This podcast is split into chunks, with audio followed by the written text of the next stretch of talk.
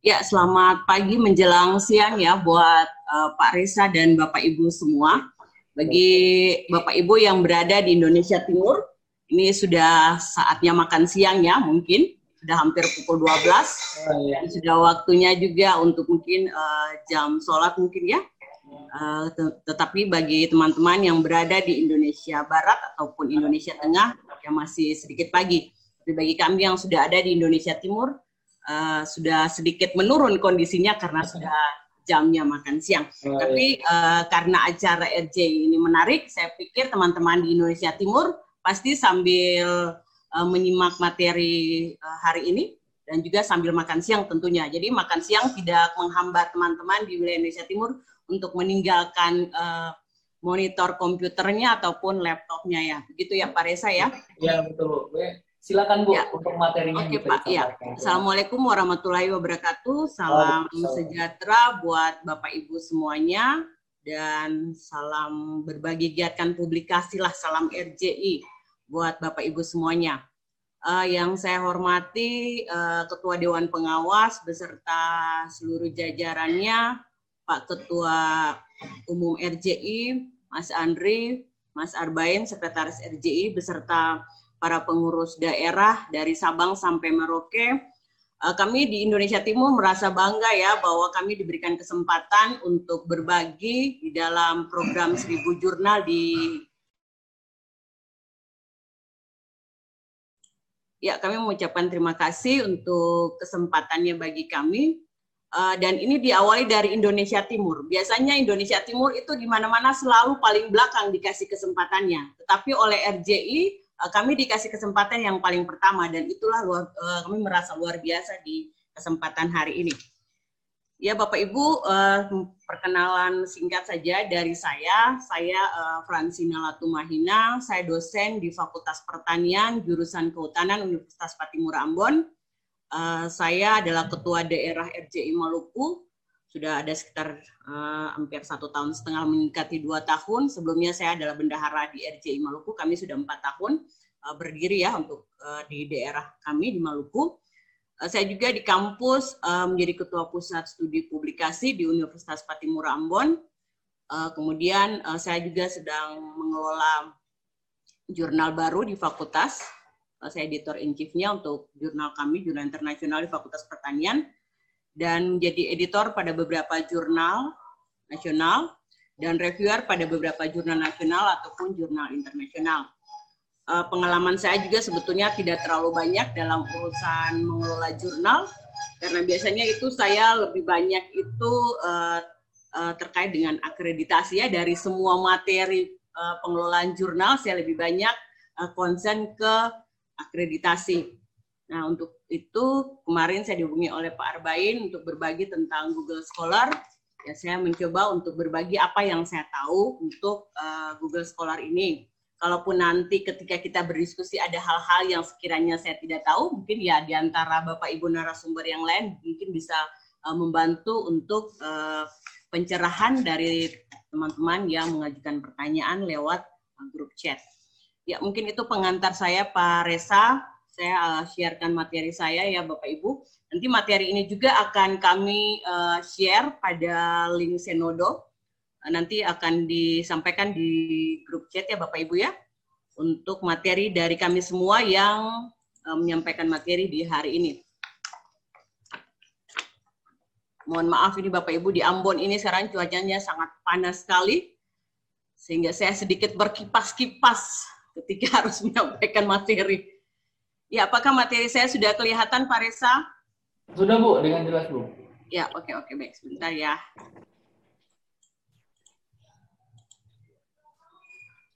Ya, Bapak Ibu, uh, saya diberikan kesempatan bisa dan... di full screen, Bu. Uh, kenapa, kenapa, Pak? Bisa di full screen barangkali PowerPoint. Oh iya, oke, oke, oke. Sebentar, sebentar, Pak. Sebentar, sebentar. Nah.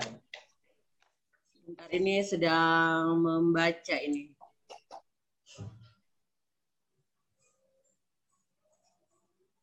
Oke, sudah? Nah, baik, sudah, Bu. Ya, oke, terima kasih Pak Esa. Ya, Bapak Ibu, uh, saya diberikan kesempatan untuk menyampaikan materi tentang profil Google Scholar untuk pengelola jurnal ya, untuk jurnal terutama. Tetapi saya merasa bahwa dari semua peserta yang hadir di kesempatan pagi hari ini, uh, ada juga yang bukan pengelola jurnal, ada yang hanya sebagai uh, autor, sebagai penulis, yang mana penulis itu juga wajib hukumnya punya akun Google Scholar. Jadi uh, saya menyampaikan materi ini jadi sekaligus buat teman-teman yang bukan pengelola jurnal dan sekaligus juga bagi teman-teman yang sebagai pengelola jurnal yang harus punya akun Google Scholar.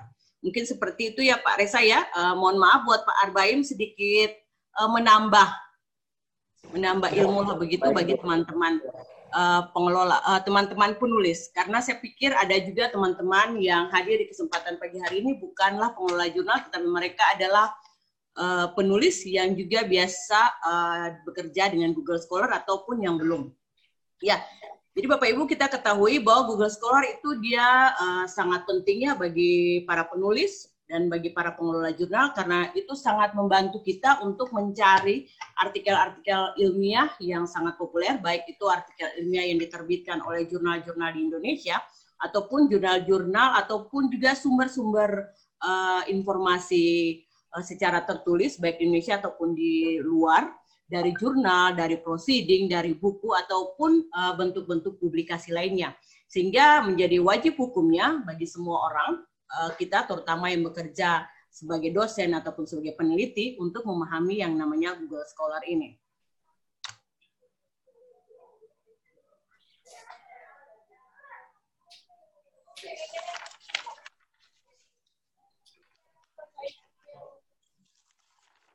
Ya, jadi Google Scholar ini dia mulai populer, mulai diluncurkan itu pada tahun 2004 dan bagi kita di Indonesia itu biasa dipakai istilah dengan Google Cendikia, tapi kadang-kadang juga lebih banyak uh, lebih dikenal juga dengan Google Scholar. Itu adalah uh, layanan yang disediakan sekitar tahun 2004. Jadi di dalam Google Scholar ini akan sangat memudahkan kita baik sebagai peneliti ataupun sebagai pengelola jurnal untuk mencari materi-materi atau mencari uh, hasil-hasil penelitian yang terkait dengan publikasi dan itu bisa kita jadikan sebagai bahan rujukan bagi kita untuk mensitasinya, mengutipnya untuk artikel kita sendiri ataupun untuk mensitasi artikel-artikel yang diterbitkan oleh uh, jurnal kita sendiri. Jadi dia punya dua manfaat untuk keberadaan kita sebagai penulis dan keberadaan kita sebagai pengelola jurnal. Sehingga wajib hukumnya Google Cendikia atau Google, uh, Google Scholar ini dipahami oleh masing-masing kita sesuai dengan peran kita. Berat ya ininya kayaknya komputer atau laptopnya.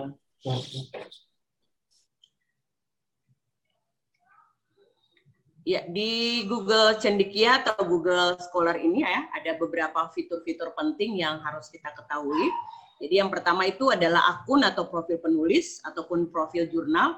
Jadi di situ uh, akan menampilkan semua hasil karya dari para penulis ataupun hasil uh, karya dari para pengelola jurnal dalam dalam hal ini adalah artikel-artikel yang diterbitkan oleh jurnal itu ataupun hasil karya penulis itu baik itu dalam bentuk artikel jurnal ataupun dalam bentuk proceeding ataupun dalam bentuk buku yang sudah juga terindeks ke Google Scholar.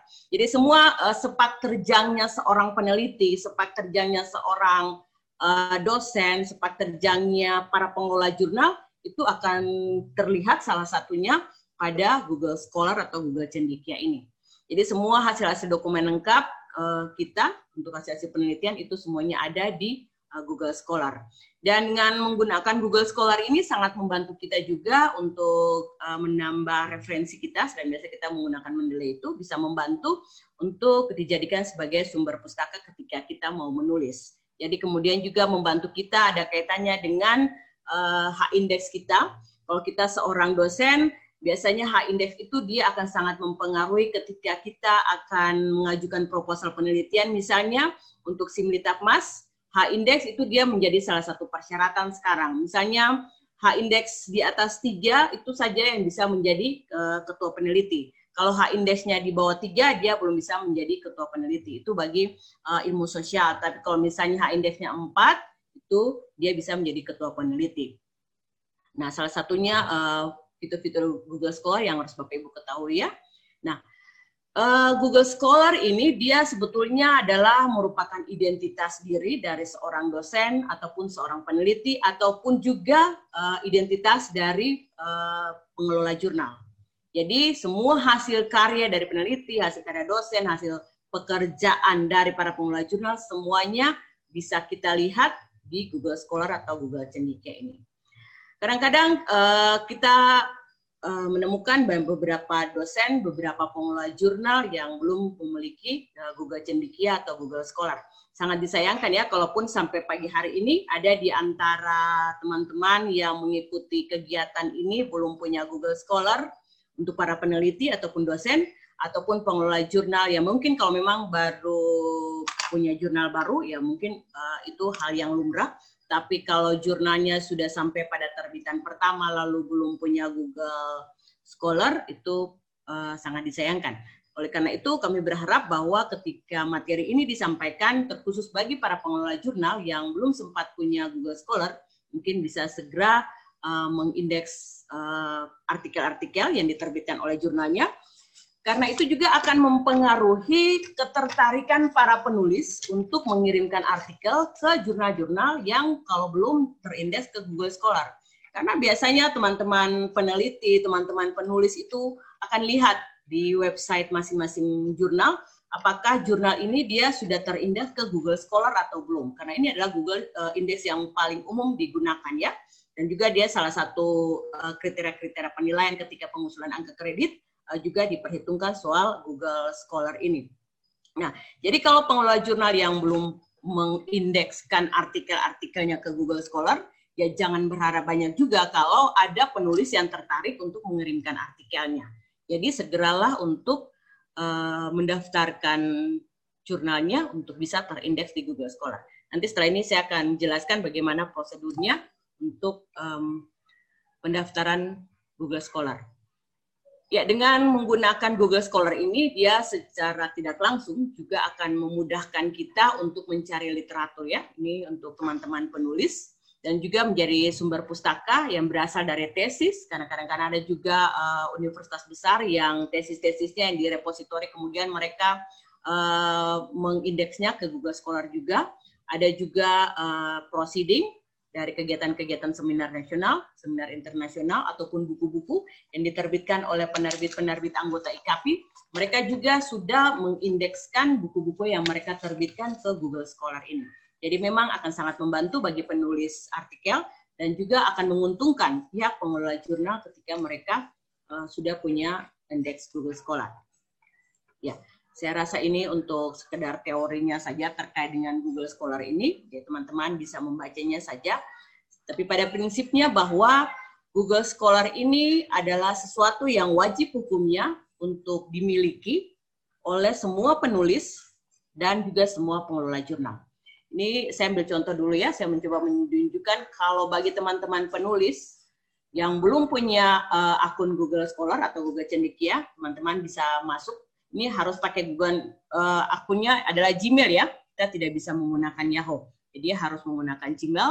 Jadi masuk ke Google saja, kemudian diketik uh, alamat website ini. Ini tinggal diklik saja, lalu kemudian uh, membuat akunnya menggunakan Gmail. Nah ini sebagai contoh nanti kalau akun kita sudah jadi, nanti akan tampilannya seperti ini. Jadi nanti dia akan secara otomatis mengambil semua artikel-artikel kita yang sudah terindeks dari berbagai jurnal yang jurnal itu sendiri sudah terindeks ke Google Scholar. Jadi dia akan masuk secara otomatis ke Google-nya uh, akun Google Scholar-nya kita. Ini ambil contoh ini punya saya. Jadi misalnya uh, nanti ini dia sudah masuk ya, tetapi ada ada kadang-kadang juga uh, artikel kita yang belum masuk ke Google Scholar-nya kita. Nah, caranya kita bisa memasukkannya secara manual. Nah, di sini ya Bapak Ibu bisa menambahkan saja di sini uh, tanda tambah ini bisa menambahkan saja secara manual. Ini kita akan mengetik uh, judul artikel kita, kemudian nama kita, kemudian nama jurnalnya, volumenya, semuanya itu dimasukkan nanti dia akan uh, masuk secara otomatis. Ini untuk teman-teman yang berperan berprofesi sebagai peneliti ataupun sebagai dosen yang uh, wajib hukumnya punya akun Google Scholar.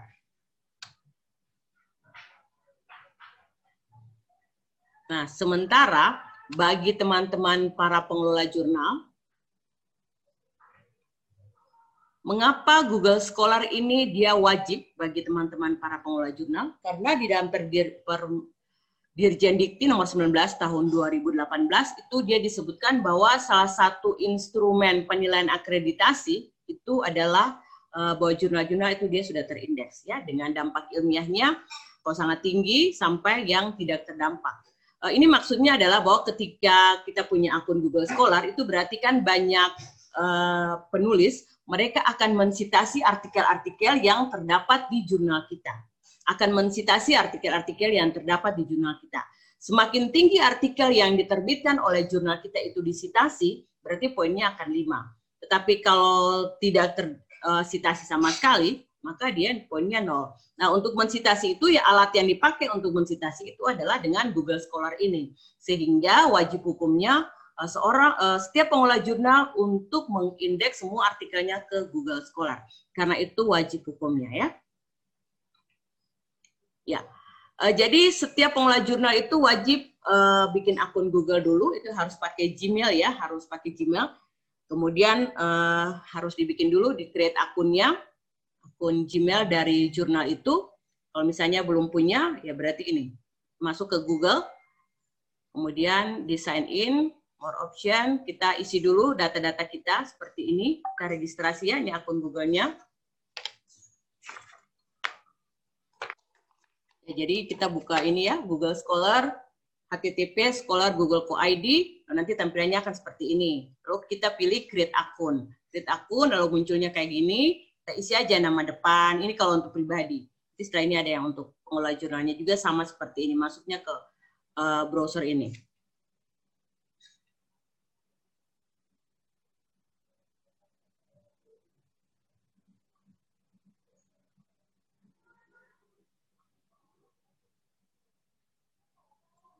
Ya, jadi setelah membuat akun ke HTTP Scholar Google Co ID, nanti akan tampilannya seperti ini. Lalu kita klik di profil saya. Ini untuk para pengelola jurnal ya, yang pasti pakai Gmail, bukan Yahoo. Nah, kita masuk di profil saya. Ya, ini kalau registrasi ya, ini sudah. Nanti akan masuk ke tadi ke profil saya itu. Nah, setelah dia masuk ke profil saya, Bapak Ibu silakan mengisi ini. Isi nama jurnalnya. Jadi harus sesuai dengan di ISSN yang diterbitkan dari LIPI itu ya. Tidak boleh uh, berbeda. Harus sama persis dengan yang ketika didaftarkan ke LIPI. Nama jurnalnya, kemudian afiliasi. Afiliasi nama lembaga penerbit dari jurnal, apakah itu fakultas atau ke universitas ataupun ada organisasi-organisasi profesi itu semuanya diisi di sini. Kemudian email untuk uh, untuk verifikasi ini kita pakai yang email afiliasi itu. Jadi email yang lembaga penerbit itu. Jadi biasanya kan pakai kampus misalnya ataupun yang pakai organisasi-organisasi profesi. Nah, kita isinya di sini. Kemudian bidang minat uh, atau scope dari jurnal itu, disiplin ilmu dari jurnal itu apa? Nah, kita isinya di sini. Kemudian uh, link dari jurnal kita isinya di sini. Kemudian kita tinggal klik berikutnya. Ini sangat gampang saya Bapak Ibu ya untuk Google Cendikia atau Google uh, Scholar untuk memulai jurnal ini. Itu kita klik berikutnya. Nah, dia akan mengarah ke sini. Ini saya coba ambil salah satu contoh saja. Eh, kita pakai contoh uh, jurnal ilmu administrasi. Di sini kita ketik nama jurnal kita di sini. Kita ketik nama jurnal kita di sini. Kalau misalnya artikel-artikel kita uh, lalu nanti setelah kita ketik uh, nama jurnal kita di sini, maka semua artikel-artikel dari jurnal kita itu dia akan muncul. Nah, lalu kita tinggal memilih mana artikel yang milik kita. Jangan sampai kita salah memilih ya, karena kadang-kadang kan nama jurnal itu ada yang mirip, tetapi uh, tidak sama persis. Jadi kita harus benar-benar memastikan bahwa artikel-artikel yang muncul itu adalah artikel-artikel yang diterbitkan oleh jurnal kita. Lalu tinggal kita klik saja mana yang Eh, punya kita berapa banyak semuanya diklik, lalu kemudian kita uh, klik tanda panah untuk selanjutnya. Ya, di sini ya, jadi kita bisa pakai keyword ini nama jurnalnya, ataupun pakai uh, EISSN-nya kita masukkan di sini. kalau agak ragu dengan nama jurnal sendiri takut salah ya mendingan EISSN aja ya karena itu pasti tidak akan salah karena kalau nama jurnal kadang-kadang kalau kita ketik ke, kekurangan satu huruf atau salah tidak telah tidak tepat sesuai dengan pengajuan awal di LIPI maka itu dia bisa salah juga. Nah setelah itu kita tinggal centang mana artikel-artikel kita kemudian kita klik selanjutnya di sini.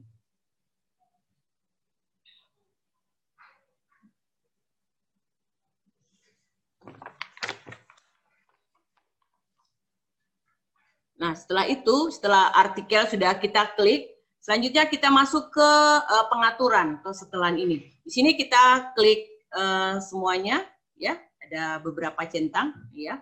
Ini kita tetap aja pilih ini, kemudian ini kita centang supaya profil akun uh, profil Google Scholar-nya jurnal kita itu bisa dilihat orang. Lalu kemudian kita klik selesai. Nah, kalau sudah selesai, kita akan ada dalam tampilan seperti ini. Kita harus memverifikasi uh, email kita yang tadi kita pakai untuk buat akun itu lewat uh, emailnya institusi ataupun emailnya uh, afiliasi yang kita pakai. Itu harus kita verifikasi dulu ya. Kita verifikasi di sini.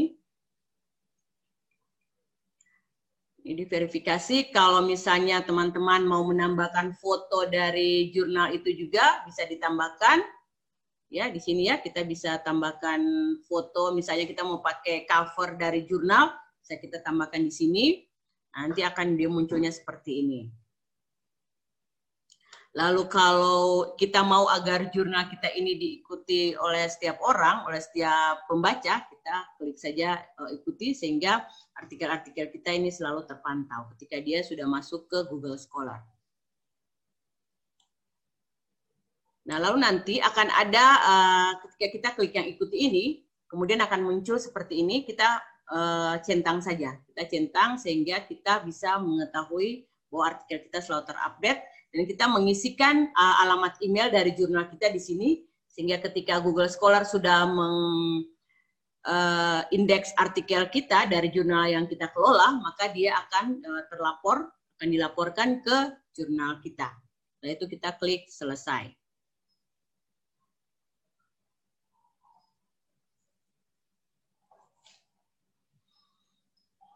Nah, berikutnya kita lihat uh, bagaimana cara yang paling mudah untuk mengetahui bahwa artikel dari jurnal yang kita kelola itu sudah terindeks di Google Scholar atau tidak.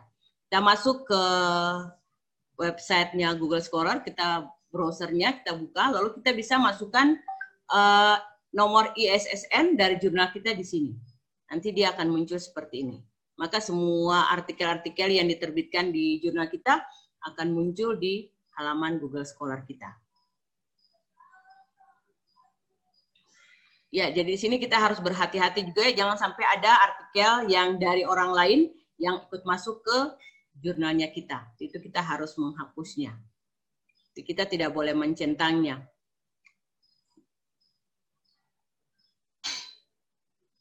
Nah, berikutnya saya akan menunjukkan bagaimana caranya kita memasukkan artikel kita ke Google Scholar. Itu kita uh, buka link ini ini Bapak Ibu uh, copy ya. Kita pakai Google Inclusion ya. Alamat browser ini Bapak Ibu masukkan ke Google. Nah, ketika ini dimasukkan ke Google akan muncul seperti ini. Lalu ada pilihan uh, Open Journal System OJS. Nah, itu tinggal diklik saja.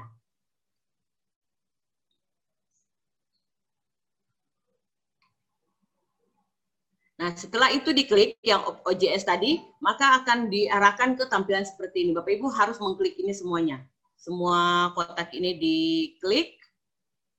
Lalu Bapak Ibu nanti akan memilih berapa jumlah artikel dari terbitan Bapak Ibu.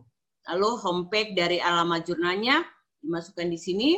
Kemudian kontak name bisa pakai editor in chief-nya atau salah satu uh, para pengelola jurnalnya bisa dimasukkan nama kontak email, eh, kontaknya di sini.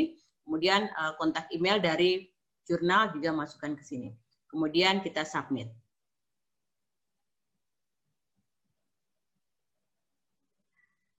Nah, ketika kita submit eh, akan muncul seperti ini.